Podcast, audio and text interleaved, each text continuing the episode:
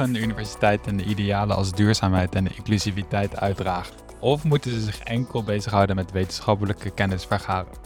De Radboud Universiteit in Nijmegen deed onlangs veel stof opwaaien omdat zij duurzaamheidsidealen niet onder stoelen of banken steekt. Het instituut lanceerde een zogenaamde Impact Day om studenten te laten nadenken over het consumptiegedrag van zichzelf en van anderen en daarnaast wordt duurzaamheid een verplicht vak. Volgens critici brengt zo'n morele stelling in name het onafhankelijke imago van de universiteit als instelling die zich bezighoudt met objectieve kennis in gevaar. Wetenschapsjournalisten Enid Vlooswijk schrijft bijvoorbeeld in de Volkskrant dat de Radboud Universiteit hiermee studenten wil werven door zichzelf neer te zetten als de idealistische universiteit die duurzaamheid hoog in het vaandel heeft staan. Ik citeer even uit haar artikel. Ik dacht dat universiteiten de taak hebben om studenten een beroep en academische vaardigheden bij te brengen. Niet om aan te zetten tot politieke keuzes. Dat is slecht voor het onafhankelijke imago van een wetenschappelijke instelling. Wetenschappers hoorden zich ooit te richten op waarheidsvinding op basis van kenbare feiten. Aan beleidsmakers vervolgens de keuze om de resultaten te gebruiken voor duurzaam beleid. De Radboud Universiteit lijkt die scheiding maar omslachtig te vinden. Mijn gast vandaag, ja, we komen er wel naar deze lange intro, is hoogleraar filosofie van de gedragswetenschappen en academisch leider van het Radboud Teaching and Learning Center aan de Radboud Universiteit dus, Jan Brandsen. Jan Brandsen dus en in de wandelgangen, en ik kan dat weten, want full disclosure, ik werk zelf op dit moment als docent aan de Radboud Universiteit en ben daar zes jaar geleden ook afgestudeerd bij Jan in de filosofie van de gedragswetenschappen staat Jan hier ook wel bekend als uh, de huisfilosoof van de universiteit. Dus ik zocht hem op in zijn werkkamer om te praten over dit debat. Jan vindt juist dat de Radboud Universiteit er goed aan doet door hiermee duidelijk afscheid te nemen van de typisch moderne maar incoherente intellectuele arbeidsdeling. Zij weigert voortaan alleen nog maar voor de feiten te zorgen en ja, laat juist zien dat ze waardegeoriënteerd in de wereld staat, net zoals iedere institutie. En dat is helemaal niet zo slecht. Dit gesprek gaat over dat debat en we beginnen met mijn vraag aan Jan of hij even voor de luisteraar kan samenvatten wat nou precies de aanleiding is voor deze controverse.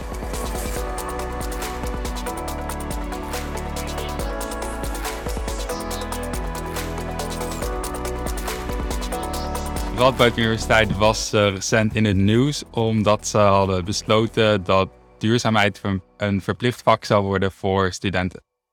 Min of meer. Ja. ja. ja. Dus ik denk dat je moet praten over vak. Mm uh, ik denk ook niet dat de Radboud Universiteit dat gedaan heeft. Uh, voor mij is duurzaamheid zit meer in de hoek van, van zeg maar de, de, de traditionele verlichtingswaarden. Je hebt vrijheid, gelijkheid en broederschap en die vinden we allemaal belangrijk. En niemand kan natuurlijk zeggen van dit is een universiteit die niet om gelijkheid geeft. En ik denk dat duurzaamheid gewoon een vierde is die bij dat trio heel goed past. Dus wij vinden duurzaamheid mm-hmm. belangrijk, net zoals we gelijkheid, vrijheid en broederschap belangrijk vinden. En eigenlijk kan niemand met goed fatsoen daar nee. moeilijk over doen. Maar wat is dan het concrete wat uh, het besluit was? Uh, wat er precies besloten is, weet ik eigenlijk niet eens. Ik weet dat wij een afdeling uh, of een programma duurzaamheid hebben. de universiteit heeft een nieuwe strategie die heet a Significant Impact. Dus de universiteit wil een maatschappelijke impact hebben. En het is evident dat duurzaamheid een, een, op dit moment gewoon zo'n belangrijk thema is dat eigenlijk niemand eromheen kan. Dan moeten we iets mee. Dat dat uh, in iedere opleiding terugkomt, um, op welke manier dan ook. Daar moet natuurlijk iedere opleiding ook zelf over nadenken. Dit is echt een decentrale universiteit. Ja. Dus faculteiten hebben veel eigen ruimte. Um, dat we ons met z'n allen verplichten om duurzaamheid, dat we dat in ons onderwijs uitdragen. Dat we studenten bewust maken van het feit dat duurzaamheid eigenlijk steeds een belangrijk motief is bij alle dingen die je verder doet. Dat is meer, denk ik, de, de, de, de ambitie dan dat we van alles over duurzaamheid moeten leren. Als je naar mij praat, dan wil ik sowieso al niet dat onderwijs vooral gaat over wat we moeten leren. Dus het is niet een object van studie ja. of een object van, uh, van, van theoretische reflectie, maar het is iets wat als het ware in je houding moet gaan zitten. Als je het zo formuleert, dan klinkt het aan de ene kant een beetje triviaal en aan de andere kant ehm, misschien ook niet. Maar er is toen na het besluit wel uh, wat kritiek gekomen op de op die pagina's van de kranten, Ja. waarin het geformuleerd werd als dit is een, in zekere zin een bepaalde politieke stellingname van een universiteit. Maar als je het zo uitlegt, dan lijkt het daar niet echt op. Nee, nou ja, kijk, om te beginnen is het best moeilijk om, om precies te begrijpen wat bedoeld wordt met een politieke keuze. Eh, dus als je zegt van alles is politiek op het moment dat er sprake is van belangentegenstellingen en waar je in die belangentegenstellingen partij kiest. Zelfs zo'n soort van politiek is het misschien wel, behalve dan dat als het over duurzaamheid gaat, je eigenlijk niet zo goed kunt begrijpen welke belangentegenstelling er is. We hebben met z'n allen belang bij dat, dat we eh, de aarde waar we allemaal afhankelijk van zijn, dat we die zo gezond mogelijk houden. Dat heeft te maken met, met dit is onze levensvoorwaarde. Ja. Dus dat is het ene. Het andere, het is wel stellingname natuurlijk, in die zin van dat we zeggen, eh, wij vinden iets heel belangrijk. Ja. En te doen alsof, want dat, dat is de hoek waaruit die kritiek vandaan komt. Hè? Een, een universiteit moet niet zeggen wat ze heel belangrijk vinden, maar die moeten gewoon de waarheid vertellen en verder niks. Die moeten feitelijke bevindingen doen en daarna moeten ze hun mond houden. Eh, want dan zijn andere partijen of andere soort van, van eh, gespreksvoering is dan nodig om te bedenken wat we dan met die kennis gaan doen. Ja. Dat is een beeld van de universiteit waarvan ik denk, die deugt niet. Die deugt vanaf het begin al niet. Dus de, ja, wat ik de knowledge action gap noem. En ik niet alleen, maar dit is een vrij bekend begrip. En dus als je denkt, de universiteit is er alleen maar om de kennis te verzamelen. En daarna komt het gesprek op gang over wat je dan met die kennis gaat doen. Dus dat is echt het beeld van, oké, je hebt de universiteit en die ontdekken wat de feiten zijn en die worden dan op tafel gelegd. En Ja, dan begint de volgende fase.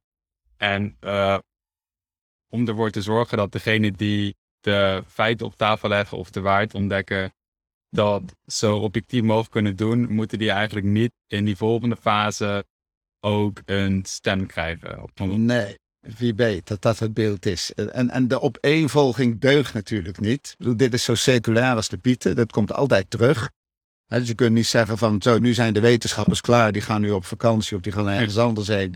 En dan gaan Ja. allerlei andere mensen in de tweede fase aan het werk met wat we nu weten dat de feiten zijn. Zo zitten mensen, mensen, mensengemeenschap niet in elkaar. Nee. Dus je krijgt het altijd weer terug. Te denken dat je die twee fases kunt onderscheiden. Ehm, en te denken dat de feiten als feiten ehm, alleen maar objectief en onafhankelijk zijn. En onafhankelijk vastgesteld kunnen worden. Is ook wel verschrikkelijk naïef. Dat, dat Ja. kan helemaal niet. Nee. Ehm, dus die feiten maken altijd onderdeel uit van, van, van een strijd, klinkt te hard hoor, maar van, van een, van een eh, kritisch gesprek over waarheidsaanspraken. Dat is iets heel anders. Als je zegt, dit zijn de feiten en hier kunnen we het verder niet meer over hebben, hè, nu zijn we klaar, Ja. dit is het laatste woord over de feiten, dan moeten dat ook echt totaal oninteressante dingen zijn.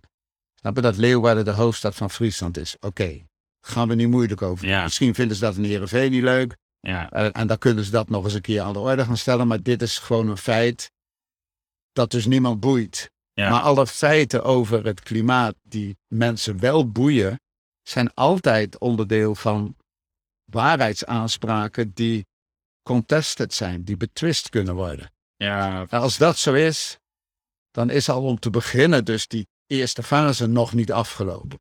In mijn beleving Ja. is die fase er helemaal nooit, Ja. want die maakt onderdeel uit van een voortgaand gesprek.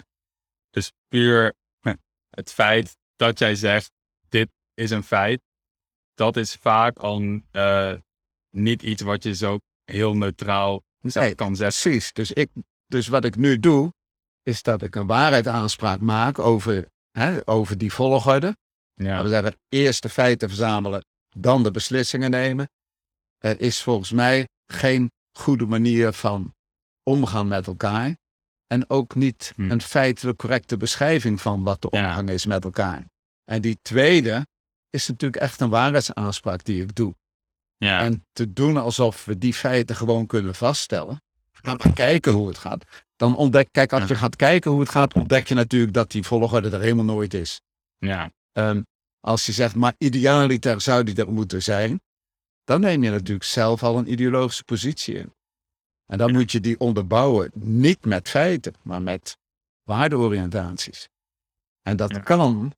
eh, en dan moet je een goed verhaal gaan vertellen over waarom feiten feiten zijn die onbetwist zijn. Die gewoon, hè, de, de, wereld heeft het gezegd en nu zijn, moeten wij onze mond Ja. houden.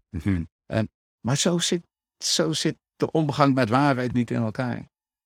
En ook dit Nee. is natuurlijk zelf weer een conteste waarheidsaanspraak. Oké, dit snap ik wel, denk ik. Maar nog steeds is er ergens wel iets voor te zeggen. Ook al is die scheiding natuurlijk een beetje kunstmatig en ehm, ja, niet realistisch en ook niet, misschien niet wenselijk. Dat je als wetenschapper er wel een bepaalde objectiviteit moet kunnen zeggen te hebben. Dus dat je niet Ja. van tevoren al committeert aan allerlei dingen. Nou ja, dus van tevoren is lastig, daar ga ik het zo over hebben. En committeren doen we altijd. Ehm, kijk, als je zegt, we hebben objectiviteit nodig. En misschien kun je ook zeggen, we hebben onafhankelijkheid nodig. En je kunt ook nog zeggen, we hebben onbetrokkenheid nodig. We hebben als het ware waardeneutraliteit nodig. Ja, Te denken dat waardeneutraliteit hoort bij objectiviteit, is denk ik een vergissing. Ehm, want En- eh, wat is het verschil dan? Ehm, omdat het over dat er objecten zijn. Want ik denk dat de objectiviteit breng ik daarnaar terug. Hè? Dus we hebben objecten. Of objectiviteit heeft betekenis in onderscheid van subjectiviteit en intersubjectiviteit. En dan gaat het altijd over ken objecten die aan een subject verschijnen. Of die voor een subject toegankelijk zijn. Mm, Nou, in die, in die sfeer zijn er heel veel objecten die subjectafhankelijk zijn. Wat, wat, Oh wat jij belangrijk vindt, of wat jouw diepste wensen zijn, zijn misschien voor mij een studieobject, maar ze betrekken natuurlijk jouw engagement met zich mee. Dus als ik zeg, Ja. maar ik ga nu op een, op een volstrekt waardeneutrale manier iets zeggen over wat voor jou belangrijk is, dan gaat dat vanzelf al niet lukken. Want ik Mm. moet het dan hebben over wat voor jou waardevol is. En om dat te kunnen Ja. vertellen, moet ik zelf iets snappen van jouw waarde. Gaat het om onbetrokkenheid in de zin van waardeneutraliteit? Is dat een, een eigenschap die wetenschappers nodig hebben? Dan denk ik, nee, het gaat nooit om waardeneutraliteit. Ehm, misschien kun je het beste hierover hebben door te, door te praten over eh, wat ik in ieder geval heel, heel behulpzaam hier vind. En, eh, het werk van Philip Kitchen, wetenschapsfilosoof. Ehm, die maakt een onderscheid tussen vier contexten waarin wetenschappers bewegen. En de context als, ik weet eigenlijk niet of ik die woorden nu allemaal zomaar uit mijn hoofd ken, maar de eerste context is de context waarin je met elkaar bepaalt welke vragen belangrijk zijn.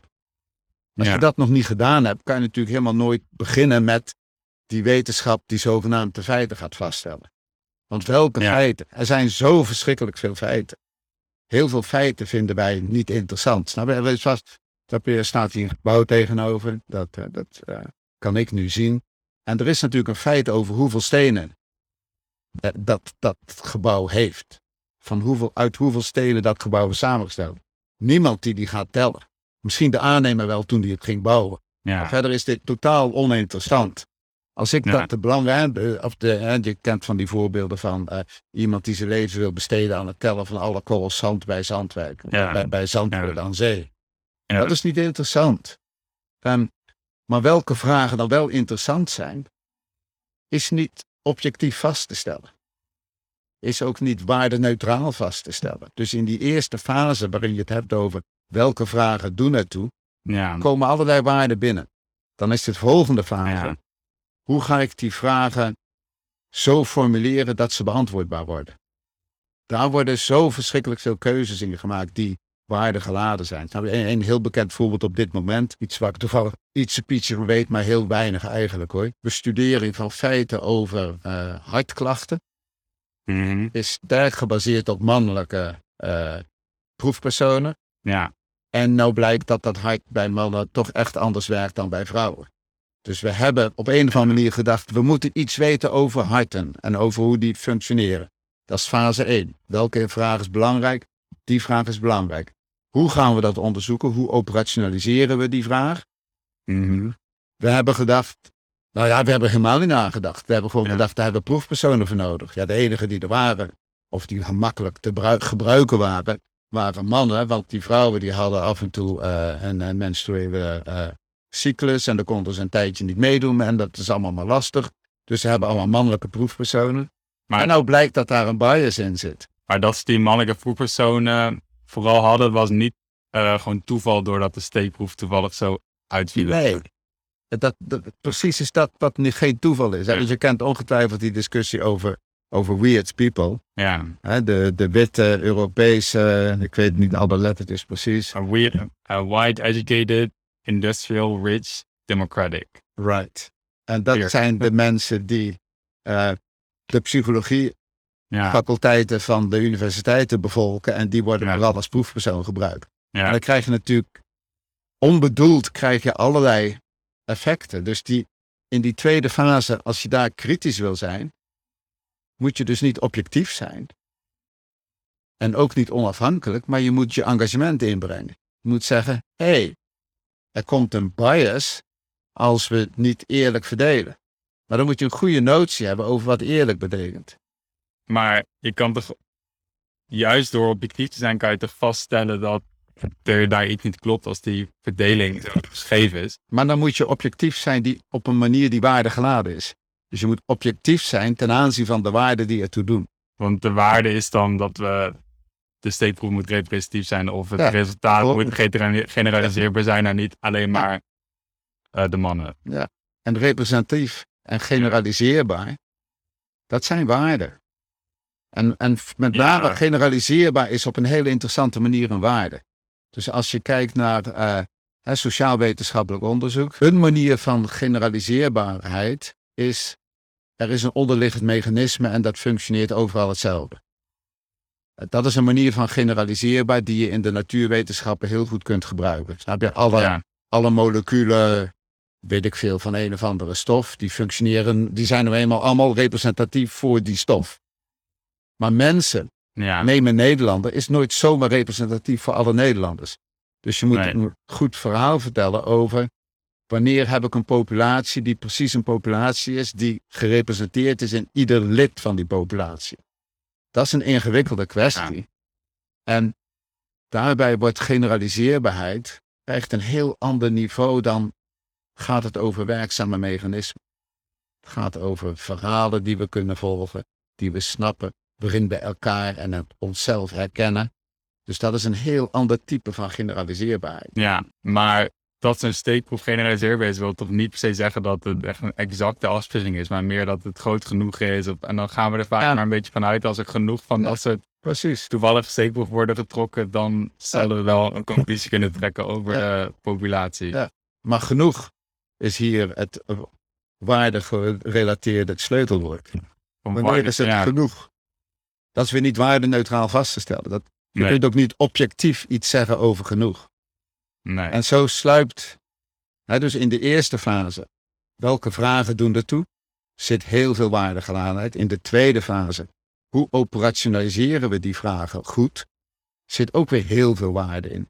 Als je dan naar de Ja. derde fase gaat en je zegt, hè, ehm, Ceteris paribus komt dan, hè, in, op, ja, onder gelijkblijvende omstandigheden kan ik nu antwoord geven. Dan ga ik dus een, een laboratoriumproef doen ja, onder die aanname dat al de rest er niet meer toe doet. Dan krijg je antwoorden. Eh, maar die zijn alleen maar functioneel in die derde fase. En de vierde fase, of de vierde context zoals Kitje zegt, is de fase waarin je iets hebt aan die antwoorden. Waarin je iets kunt doen met die antwoorden. Te denken dat wetenschap als het ware niet betrokken is bij die andere drie contexten, is heel naïef. Te denken dat de universiteit een vervelende ivoren toren is, ja, heeft ook vooral daarmee te maken met dat we denken dat dat isolement in de vorm van onbetrokkenheid, van waardeneutraliteit, dat dat isolement nodig is voor wetenschap. ja. Dan krijg je van die mensen die eh, hier op de campus zitten en eigenlijk nog nooit fatsoenlijk buiten de campus gewerkt hebben. Dus eigenlijk helemaal geen Ja. idee hebben van, van wat er gaande is in de wereld. Ja. Als ik het een beetje overdreven zeg. Ja, ja, ja. Ja, dus dat is wel een beetje zo. Want aan de ene kant heb je dan dus die kritiek van de wetenschapper die alleen maar in zijn evil of door zit. Maar jij zegt eigenlijk, en dan willen we eruit komen en dan is het voor sommigen weer niet goed. Dat je ervoor uitkomt als universiteit dat je geëngageerd bent, is Mhm. iets wat je het beste niet uitlegt als wij doen een poging om uit die Ivoren Toren te komen. Maar je kunt het beter uitleggen als wij zaten eigenlijk nooit in die Ivoren Toren. De Ja. Ivoren Toren was altijd waarde gerelateerd en waarde, waarde geladen. En daar komen we nu voor uit. Ja. De mensen die zeggen, nou is het weer niet goed, want, want nou gaan jullie eh, de politiek tegenaan bemoeien of je gaat eh, je studenten indoctrineren. Eh, die snappen eigenlijk niet wat wetenschap is.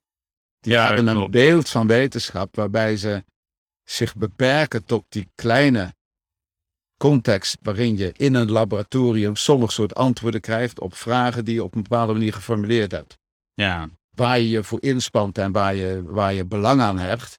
En dat belang is gedisconteerd in waarom je dit lab op deze manier opgezet hebt. Ja, precies. Nu begin ik het een beetje te snappen. Dus er is eigenlijk puur dat je alleen maar al die vragen stelt en dat op zo'n manier operationaliseert en dat soort dingen. Daar zaten altijd al bepaalde waarden of bepaalde belangen in. Dus Ja. je kan, het is een beetje raar om dan daarna, als het resultaat er is en het paper is er en eh, dat soort dingen en zeg maar je hebt iets ontdekt, om dan ineens te gaan doen alsof je niet eh, überhaupt al van die waarden en van die belangen had. Ja.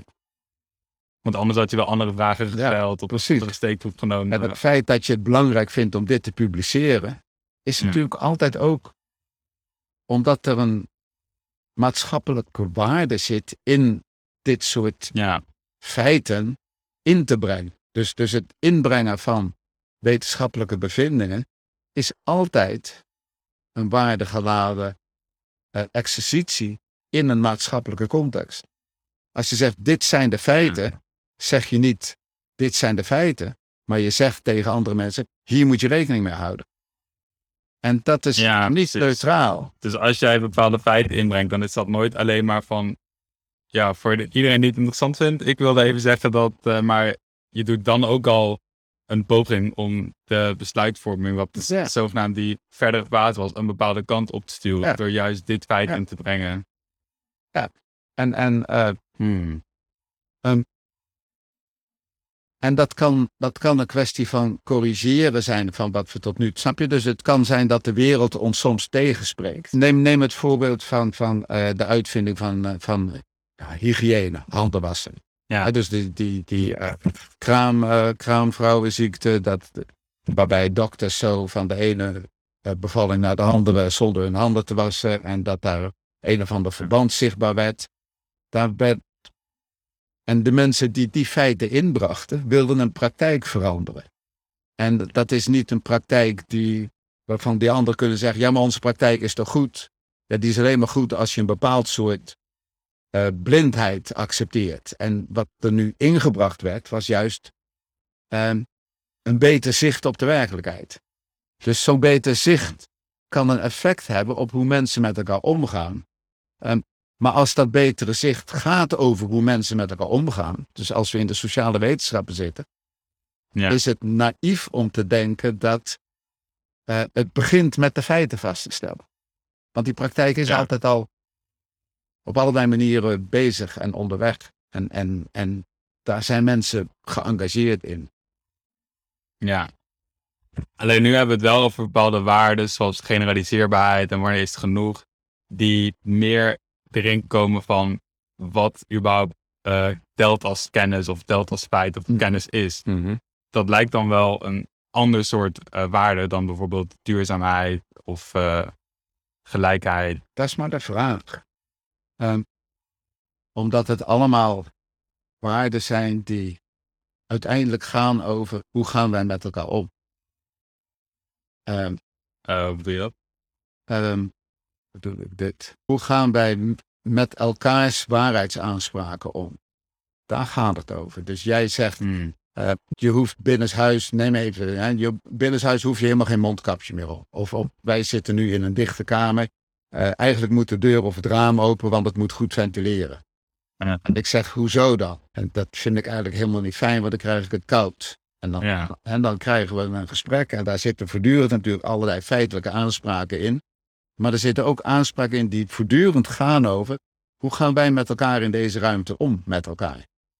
En als je zegt, ja, maar de feiten gaan nu gewoon beslissen, de, het raam moet open, want anders wordt uh, uh, de CO2 hier te hoog, dus noem eens iets. Dan zeg ik, nou, hoe belangrijk is het dat het te hoog wordt? Wat bedoel je met te hoog? Ja. Dat komt daar weer.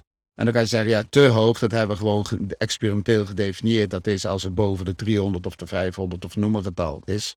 Mm -hmm. En dan zeg ik, ja, te hoog voor wat? Voor een goed leven? Ik heb liever een korter leven in een warme ruimte dan een langer leven koud. Je, je komt altijd uit bij waardeoriëntaties die niet neutraal zijn en die gaan altijd over hoe gaan we met elkaar om? Hoe gaan we met elkaars waarheidsaanspraken om? Wil je het gesprek beëindigen of wil je het gesprek voort laten gaan?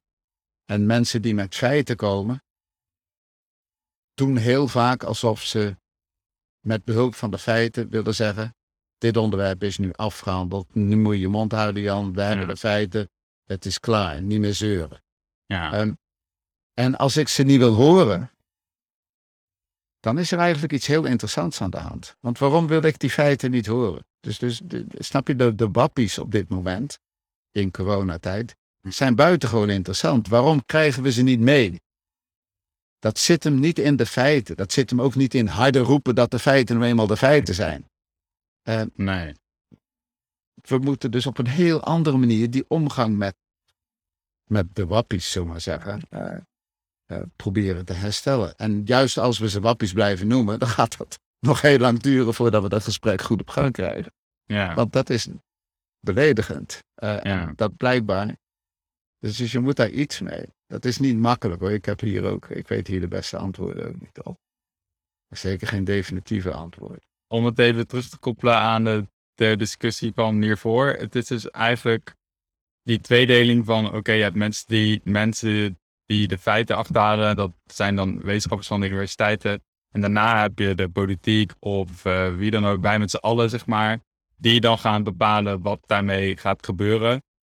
Um, en dan mag je met waardes en zo komen. Want we hebben eerst gaan we aftalen wat het geval is. En dan gaan we nakijken wat gaan we hiermee doen. Dat klopt niet, omdat bij die feiten zelf, daar zitten, daar zitten al waardes in. Echt. Van waarom heb je überhaupt die feiten? In het in kunnen brengen door mensen, dat mensen feiten kunnen inbrengen, is al totaal waardegeladen op allerlei manieren. Ja, precies. Dus niet alleen het achterhalen van die feiten, maar ook dat je het daarna inbrengt dan is het ook eigenlijk nooit zo dat je zo'n feit als een soort van neutraal, um, zeg maar, constraint bij zo'n discussie. Het is niet zomaar een factum wat je inbrengt. is niet. Hmm. Maar toch bijvoorbeeld ook in die hele coronadiscussie is best wel kritiek geweest van oké, het OMT, dus zeg maar de wetenschappers, moeten niet op de stoel van de politici gaan zitten door allerlei uh, beleidsvoorstellen te doen. Nee, nou daar kun je van alles van denken. Um, maar de wetenschappers moeten niet als wetenschappers, dus als mensen die zorgen voor neutrale feiten, hmm. op de stoel van de politiek gaan zitten. Maar natuurlijk als mensen die toevallig ja. bepaalde feiten kunnen inbrengen, doen ze natuurlijk wel in de politiek mee. Maar er zijn heel veel meer wetenschappers en mensen die allerlei relevante feiten inbrengen. Heb je dus die roep van dat OMT had veel breder bevolkt moeten zijn. Veel meer verschillende wetenschappers, ook wetenschapsfilosofen of andere ethici, mensen die op een andere manier omgaan met wanneer zijn feiten nu eigenlijk feiten. Mensen die als het ware op een metacognitieve manier kunnen reflecteren op wat doet dat OMT eigenlijk. Ja. Die zouden ook mee moeten doen. Zodat je, snap je, dus, dus, dus de hele voorstelling van zaken suggereert ook steeds, het OMT geeft ons alleen maar de feiten. Maar dat is, dat is natuurlijk, die geven maar heel sommige feiten. En dat ze ze inbrengen en dat ze zo belangrijk worden gevonden, dat zijn beslissingen die uh, allemaal waarde gelaten zijn natuurlijk. Ja, precies. Dus aan de ene kant zit het wel het in van het OMT geeft uh, de feiten, maar um, dan moet je niet daarbij denken dat zij niet een afweging maken als in waarom geven we wel die en die en die feiten en niet die en die en die feiten. En door allerlei andere expertises ook in zo'n team te zetten, krijg je eigenlijk dat er veel meer feiten dan naar de tafel komen. Ja, en ook heel veel relevante feiten. Dus je vraag moet je ook altijd stellen. Oké, dit is een feit, is het ook relevant? En de vraag naar de relevantie van het feit is zelf nooit een empirische vraag. Die is, snap je, dus de, dat is een van de diepe problemen in de sociologie en in de hele sociale wetenschappen. Uh, wat is eigenlijk de relevantie van dit alles? En de relevantie gaat altijd over ons engagement. Dat is wat relevantie betekent. En dus de vraag naar is dit relevant of niet, is zelf geen neutrale, feitelijke, empirisch vaststelbare vraag. Het is een normatieve vraag. Ja. Maar misschien weten we dat van tevoren helemaal niet. Dat het feit wel niet relevant is. Dus dan kan je ze maar beter hebben en dan... Nou ja, dan krijg, daar krijg je dus het probleem van... Uh, hoe lang moet je doorzoeken naar? Hè? Dus dit is, dit is een bekend probleem in de wetenschapsfilosofie. Dus als je, snap je, stel dat je vier keer een wiskundesom hebt uitgerekend. En je krijgt iedere keer krijg je dezelfde uitkomst. En je zegt, ja maar misschien maak ik wel vier keer dezelfde fout. Dus misschien moet ik het nog een vijfde keer uitrekenen. Op een gegeven moment houdt dit op. Dan, dan blijft het dezelfde uitkomst. En natuurlijk weet je niet zeker of het een goede uitkomst is. Misschien heb je inderdaad een foute rekenmethode, maar die blijf je herhalen. Dus je zou iemand anders kunnen vragen, reken jij het eens uit? Als we met z'n allen steeds op dezelfde uitkomst, op een gegeven moment verliest de winst die je nog zou kunnen boeken met iemand erbij halen, verliest het van de inspanning die het van je vraagt om er nog iemand bij te halen. Maar in het OMT hebben we natuurlijk maar een heel smal deel van alle wetenschappers binnengehaald. Ja. En daar is het super relevant om allerlei andere expertises nog binnen te halen. Ja. Ja, bij die relevantie en ook een soort van meer fundamenteler iets, uh, gevaar wat je denk ik misschien als kennisstelling of universiteit wel loopt door andere waardes erbij te halen, is dat je dan gaat zeggen, deze waarden vinden we relevanter of belangrijker dan uh, achterhalen wat hier de waarheid is. Dus bijvoorbeeld, mhm. en duurzaamheid is dan misschien wat minder controversieel allemaal, maar dus het, uh, ik denk het, uh, het gevaar is dat je dan op een headend vlak zit. Dus nu is duurzaamheid als waarde, maar straks komen er andere dingen bij. En, dus, en het voorbeeld wat hierbij het is dat je bijvoorbeeld in Engeland had je dan, en in Amerika natuurlijk nog meer, de Verenigde Staten, met, daar hebben ze dan de waarde van social justice of rechtvaardigheid. En als je dan bepaalde feiten over biologische verschillen tussen uh, man en vrouw, die hadden dan geen plek meer op de universiteit. En dus dat is ook gebeurd met bijvoorbeeld Kathleen Stock. Mhm. Ehm, die deed daar onderzoek naar en die zei ja, als je gewoon kijkt naar wat nou de feiten zijn, dan is het een beetje raar om te zeggen dat, dat er niet die inherente biologische verschillen zijn. Maar de waarde van um, gendergelijkheid was belangrijker dan die waarde van waarheidsvinding ja, dat is één interpretatie van wat hier gebeurd is. Mhm. Dus moest zij weg. Ehm, en ik denk één risico hier is dat je nu is duurzaamheid, maar dadelijk krijg je andere dingen en dan... Ja, ik snap hem wel. Ik ben, ik ben nooit zo onder de indruk van hellend vlak uh, redeneringen. Kijk, waar het om gaat, denk ik, hè, waar, het, waar het in menselijke omgang gaat, wat mij betreft, is om het leren omgaan met wat ik noem gedeeld onbegrip. Het feit dat we mhm. elkaar niet begrijpen. Dus er zijn grijze gebieden waarin we elkaar niet begrijpen. Uh, waarin we ook elkaars waarheidsaanspraken niet begrijpen. En waarin we misschien ook niet zo goed begrijpen waarom we aan bepaalde waarheidswaarden, uitspraken of waarheidsaanspraken veel gewicht heffen, heffen, eh, hechten of niet. Um, en, en een mooi voorbeeld vind ik, want we komen hier wel in een heel interessant domein. In, in, zowel in uh, Zuid-Afrika als in Chili zijn er waarheidscommissies geweest. Dus na de dictatuur mm. zijn, hebben we geprobeerd de waarheid boven tafel te krijgen. Mm. En die waarheid is op allerlei manieren verschrikkelijk voor allerlei mensen. Um, maar iets wat ook een gegeven is, is dat alle Zuid-Afrikanen met elkaar door moeten in Zuid-Afrika. Mhm. Ehm, en ze moeten met elkaar leven met die verschrikkelijke feiten. En Ja. komt er dus een punt waarop je zegt: Oké, dit zijn de feiten en wat gaan wij daar nu verder mee doen? En dat stuk is ehm, iets wat veel groter is dan de sekke feitelijke waarheidsvraag. Dus Hm. het zijn waarheidscommissies, dat is ook eigenlijk terecht. Maar ze hechten uiteindelijk meer belang aan eh, solidariteit. Waarin we met elkaar een verhaal kunnen vinden waarin we allemaal als het ware weer aan kunnen haken. Dan dat we het belang hechten aan eh, splijtende vormen van objectiviteit. En ik zeg het nu heel gemakkelijk. Hè? En ik heb niet in, in Zuid-Afrika gewoond en ook niet in Chili. Dus ik weet ook niet hoe erg het kan zijn om met, laat maar zeggen, de moordenaar van je halve familie, de rest van je bestaan samen te moeten leven in één land. En, maar dat is, wel, dat is wel waar het uiteindelijk altijd om draait.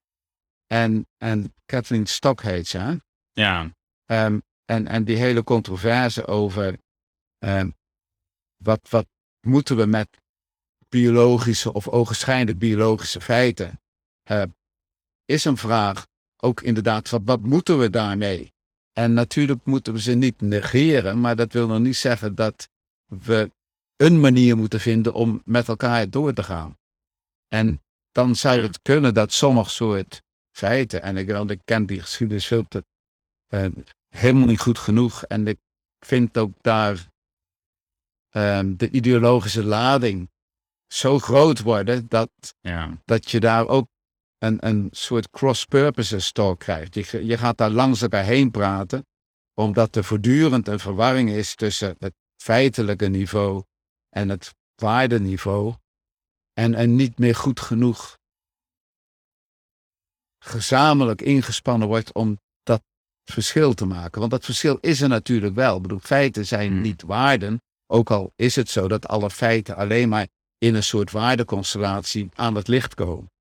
En ook in een waardeconstellatie verwerkt moeten worden. Dus feiten geven nooit het laatste woord. Ja. En het zoeken naar wat het laatste woord kan zijn, is eigenlijk het zoeken naar hoe kunnen we met elkaar verder. En dat betekent, hoe kunnen we met elkaar accepteren dat er geen laatste woord is. Dat vind ik het interessante hieraan. Dus, dus in zo'n waarheids- en verzoeningscommissie, en snap je, die verzoening die hoort daarbij, is hoe kunnen we, gegeven dat dit de feiten zijn en dat feitelijk hierover niks meer gezegd kan worden, ja. hoe kunnen we dat meenemen in een verhaal wat wel doorloopt en waarin nog wel dingen gezegd gaan worden. En, ehm, en volgens mij zit daar de echte uitdaging. Als je feiten wilt behandelen als conversation stoppers, dan zeg van nu is het afgelopen, hier mag niet meer over gesproken worden, dan wordt het een taboe. Als je zegt hier mag wel over gesproken worden en er mag zelfs over eh, van mening verschild worden over hoe mee we doorgaan. En we moeten snappen dat die meningsverschillen geen meningsverschillen zijn over de feiten zelf. Ja. Dan trek je die uit elkaar op een goede manier. Maar dan Ja. verbind je de discussie over de feiten weer met wat gaan we nu met de feiten doen. Ja. En te veronderstellen of te eisen dat de feiten dwingen wat je ermee gaat doen, Dat is dan eigenlijk niet. dat is onverdedigbaar. Dat is ook niet uit de feiten zelf te halen. Ja. Dat is waar het voor mij dus ook echt interessant wordt, maar waarbij, waarbij je eigenlijk ook, als ik nog even door mag, eh, waarbij je eigenlijk ook moet zeggen, eh, sociale wetenschappen gaan eigenlijk ook niet alleen maar over de feiten. Omdat het niet voor niets sociale wetenschappen heet. Ze zijn wetenschappen die gaan over hoe gaan wij met elkaar om. Ja. En hoe wij met elkaar omgaan, kan nooit alleen maar een neutrale feitelijkheid zijn, want wij gaan met elkaar om. En daar zit Ja. ons engagement gewoon in. En eigenlijk is bij die wetenschappers die een engagement tonen, dat is helemaal prima. Eigenlijk in die, in die, ehm, in die debat over wat moeten we doen met de feiten. Ja. Zolang ze dat maar niet doen uit pretentie van ik kom hier alleen even de neutrale feiten brengen. Precies. Dus zo moet het. Precies. Dus wetenschappers die, eh, Ehm, eigenlijk kun je dit ook mooi, en dat komt uit een heel andere hoek dan, maar eigenlijk is dat, vind ik wel een hele goeie. Dus Rob Wijnberg, de hoofdredacteur van de correspondent, die heeft hier echt mooie dingen over geschreven. Ook om duidelijk te maken dat uh, journalistiek dus ook nooit objectief kan zijn. En dat dat, ja. dat dat iets zegt over wat doen we eigenlijk als we vinden dat ergens niet meer over gesproken kan worden. Of alleen maar op een zus of zo manier. Maar met die conversation stoppers, zoals dat heet, en niet meer over gesproken worden. Ik dacht altijd dat dat uh, niet was, je mag er niet meer over praten, maar meer van, als je er niet verder over gaat praten, dan moet je accepteren dat uh, het zo zit. Dus bijvoorbeeld als iemand echt uh, onschuldig is verklaard door de rechtbank en bij de allerhoogste beroep en, enzovoort, dan moet je dat zeg maar aannemen in hoe je erover verder gaat. En dan mag je eigenlijk niet meer zeggen hij is tot schuldig. Nee. Want de rechter... Nee, maar dat, dat snap ik. En daar, daar zitten we direct op een, op een gebied wat wetenschapsfilosofisch toch echt interessant is. Omdat, uh, dus, stel dat je het hebt over intelligentie. En je zegt intelligentie is gewoon wat de test meet. Zoals we de test gemeten hebben, we hebben hem gedaan, we hebben hem nog tien keer opnieuw gedaan. We hebben de test zo kritisch mogelijk onderzocht en we hebben de beste test, de beste tester erbij gehaald. De Hoge Raad van de Testen heeft ook gesproken. Ja. En nu hebben we vastgesteld, zijn intelligentie is wat de test laat zien. Uh, ja. Dan snapt iedereen dat er een verschil is tussen de intelligentie die een eigenschap is van iemand die intelligente dingen doet en de uitkomst van de test. En dat is weliswaar dan een soort transcendentaal gegeven, waar je niet, niet zinnig kritisch meer over kunt praten. Maar er blijven mensen. Dus, dus stel dat, snap je, ik weet zeker dat hij het gedaan heeft. En hij is honderd keer vrijgesproken tot in de Hoge Raad. Dus ik moet ook echt zeggen, hij heeft het niet gedaan. Ja. Het feit dat ik dat niet over mijn hart kan verkrijgen, um, kan ook meegenomen worden in, ik zie dat na, na het leven verder wel. Snap je? Ik zie wel als ik doodga, dan kom ik in de hemel en hij niet, want hij gaat naar de hel. Ja. Daar krijg ik het wel te horen. Uh, dat zijn natuurlijk ficties die verder niet uitkomen, maar dat je dat, dat, je dat verschil kunt blijven voelen. En dat er eigenlijk dan, hè, dus, dus zelfs bij zoiets, als tot in de Hoge Raad iemand is vrijgesproken en ik kan dat niet over mijn hart verkrijgen om dat te accepteren, mm. dan heb ik eigenlijk een issue met mezelf dan moet ik eigenlijk gaan proberen te snappen waarom kan ik deze waarheidsaanspraak niet accepteren als een waarheidsaanspraak. Wat is er met mij aan de hand?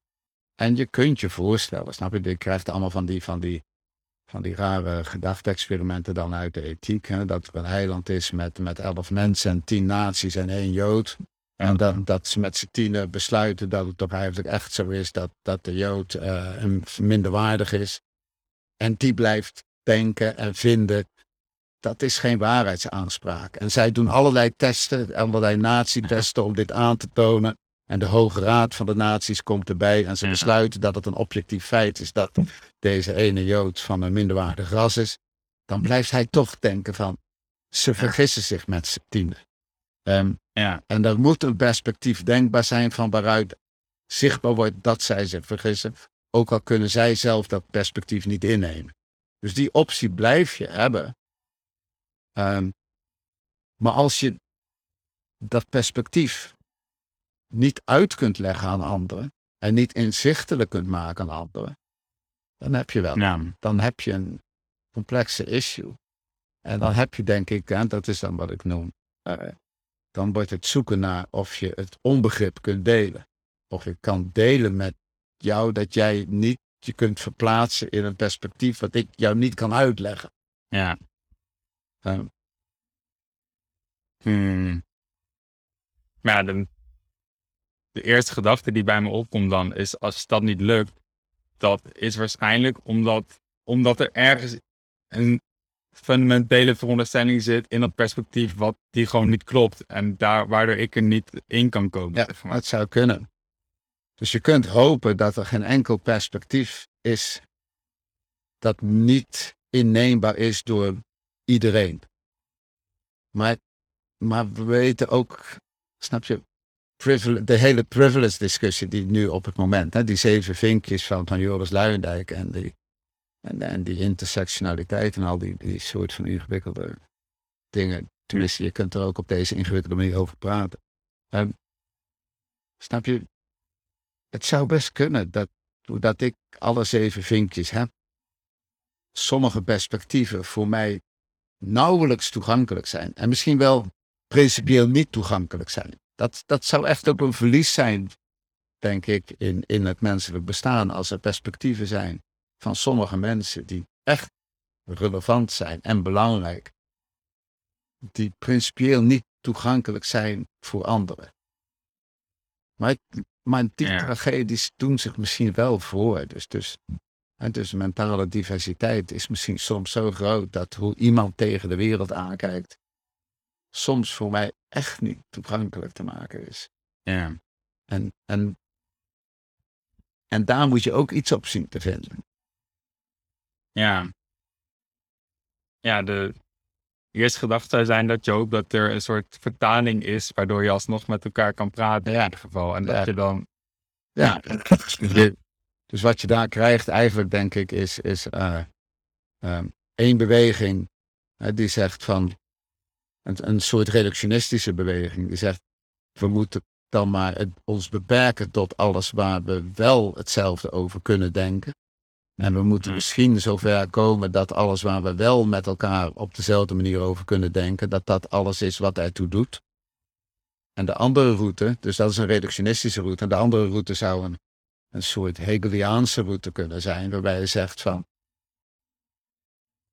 we, staan tegenover elkaar. We hebben allebei een zo optimaal mogelijk omvattend perspectief. Maar omdat jij tegenover mij staat, moet mijn perspectief beperkt zijn. En moet ik proberen te zoeken naar een perspectief wat jouw perspectief incorporeert. Mm. En dat is misschien wel een eeuwige zoektocht. Dat is ongetwijfeld in een Hegeliaans perspectief zo. Dat je, hè, de, dus de absolute geest die zich langzaam gaat verwerkelijken over al dit soort tegenstellingen heen. Uh, ja, dat is, dat is de droom aan de andere kant. Uh, ja. en, en, beide dromen zijn waarschijnlijk uh, uh, op een bovenmenselijke manier heroïs van aard. En te verwachten dat we met elkaar allemaal een zo'n omvattend perspectief kunnen innemen dat we elkaar allemaal optimaal begrijpen. Hè? Dat is uh, de Pinkster gedacht, zullen maar zeggen. Dat, dat het lampje, het vlammetje bij iedereen aangaat.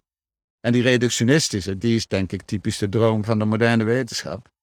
Dat uh, de wetenschap uiteindelijk alles kan verklaren en alles in beeld kan brengen. En dat we dus alleen maar dat moeten meenemen in ons uh, verhaal over de werkelijkheid en over elkaar.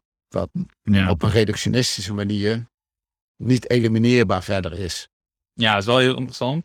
Maar even terug over... Ja, het is wel heel goed om terug te gaan naar de universiteit. Sorry. Ja, nee, geen probleem. Ik, ook ter afsluiting een beetje. Ik heb natuurlijk wel een beetje negatieve vragen gesteld tijdens het gesprek. Maar um, er zit eigenlijk ook, en ook als ik volgens mij begrijp hoe jij erover denkt, is het misschien eerder juist uh, eigenlijk wel een positieve ontwikkeling. Dat je gewoon als universiteit, als wetenschapper zo voor durft uit te komen dat uh, dit zijn de waarden die wij uh, ja.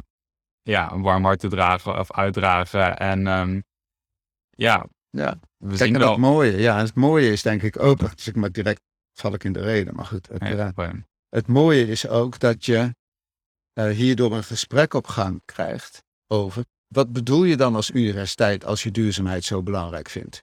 Ja. En dan zou het kunnen dat er articulaties van dat belang van duurzaamheid zijn, waarvan we over een aantal jaren zeggen, zo bedoelden we het niet. Um, snap je dat we, dat we nog zoekend zijn naar wat we nu precies aan waarde omarmen? Want duurzaamheid is natuurlijk een abstractie uh, die concreet invulling moet krijgen. Um, ja. En dat is de zoektocht met z'n allen.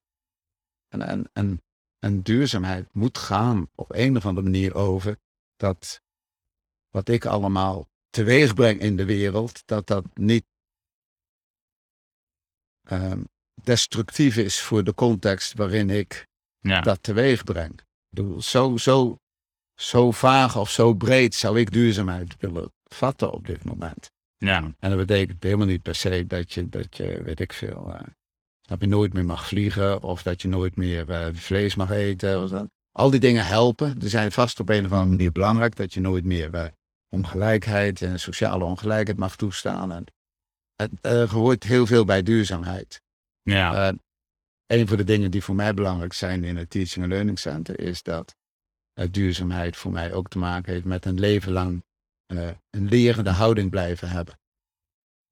Dat je Ja. altijd wil blijven leren. Daarom dat ik ook nu zo reageer met het zou kunnen dat we pas over tien jaar, of dat we over tien jaar een andere conceptie hebben van wat we eigenlijk bedoelden met duurzaamheid zo belangrijk te vinden voor deze universiteit.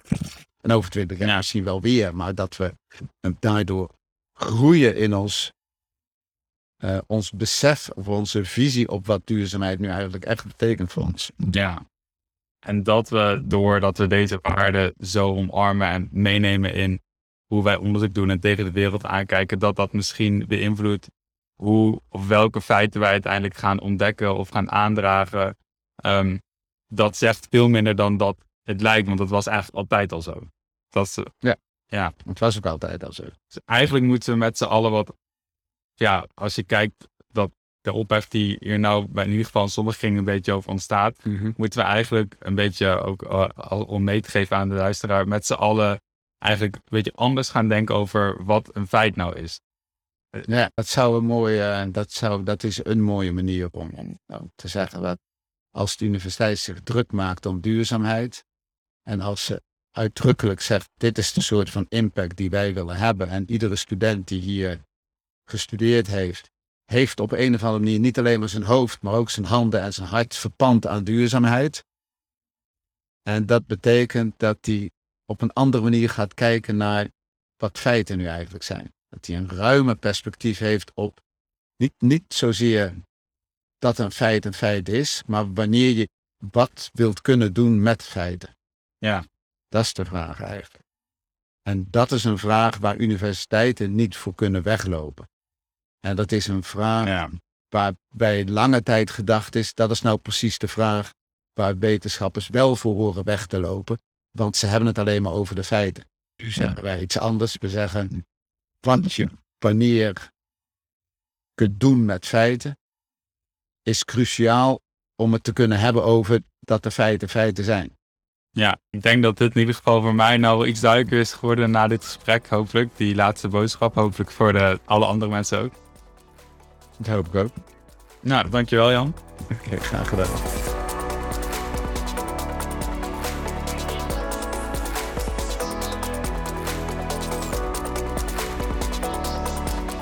voor mij persoonlijk wat me het meest gaat bijblijven is...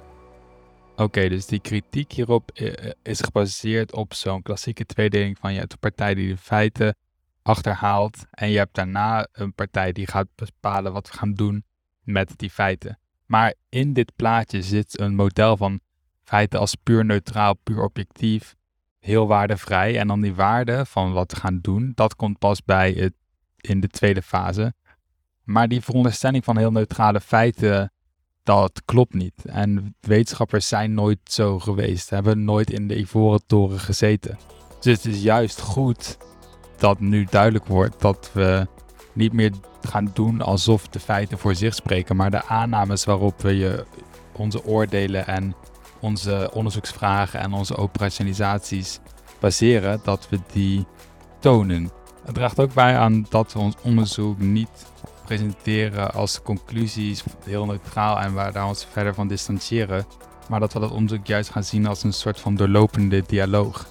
En in plaats van streven naar, naar super pure objectiviteit, neutraliteit die je toch niet kan halen, uh, zijn we transparant over morele opvattingen die we hebben en de doelen die daaruit vloeien. En dat is een beter alternatief dan de incoherente arbeidstijding van eerst heb je neutrale waarheidszoekers en dan heb je beleidsmakers die gaan bepalen we gaan doen met die feiten. Ik hoop dat jullie het weer leuk vonden en ik spreek jullie over twee weekjes weer. Over twee weken trouwens is mijn gast Hans Schnitzler. Hij is auteur van het boek Wij Nihilisten. Dat gaat over de digitalisering van de samenleving. Het boek is genomineerd voor de Socrates Beker. Ik ben het nu aan het lezen en ehm, daar ga ik hem over spreken. Dus als je dat interessant vindt, dan ga ik er vooral weer in over twee weekjes.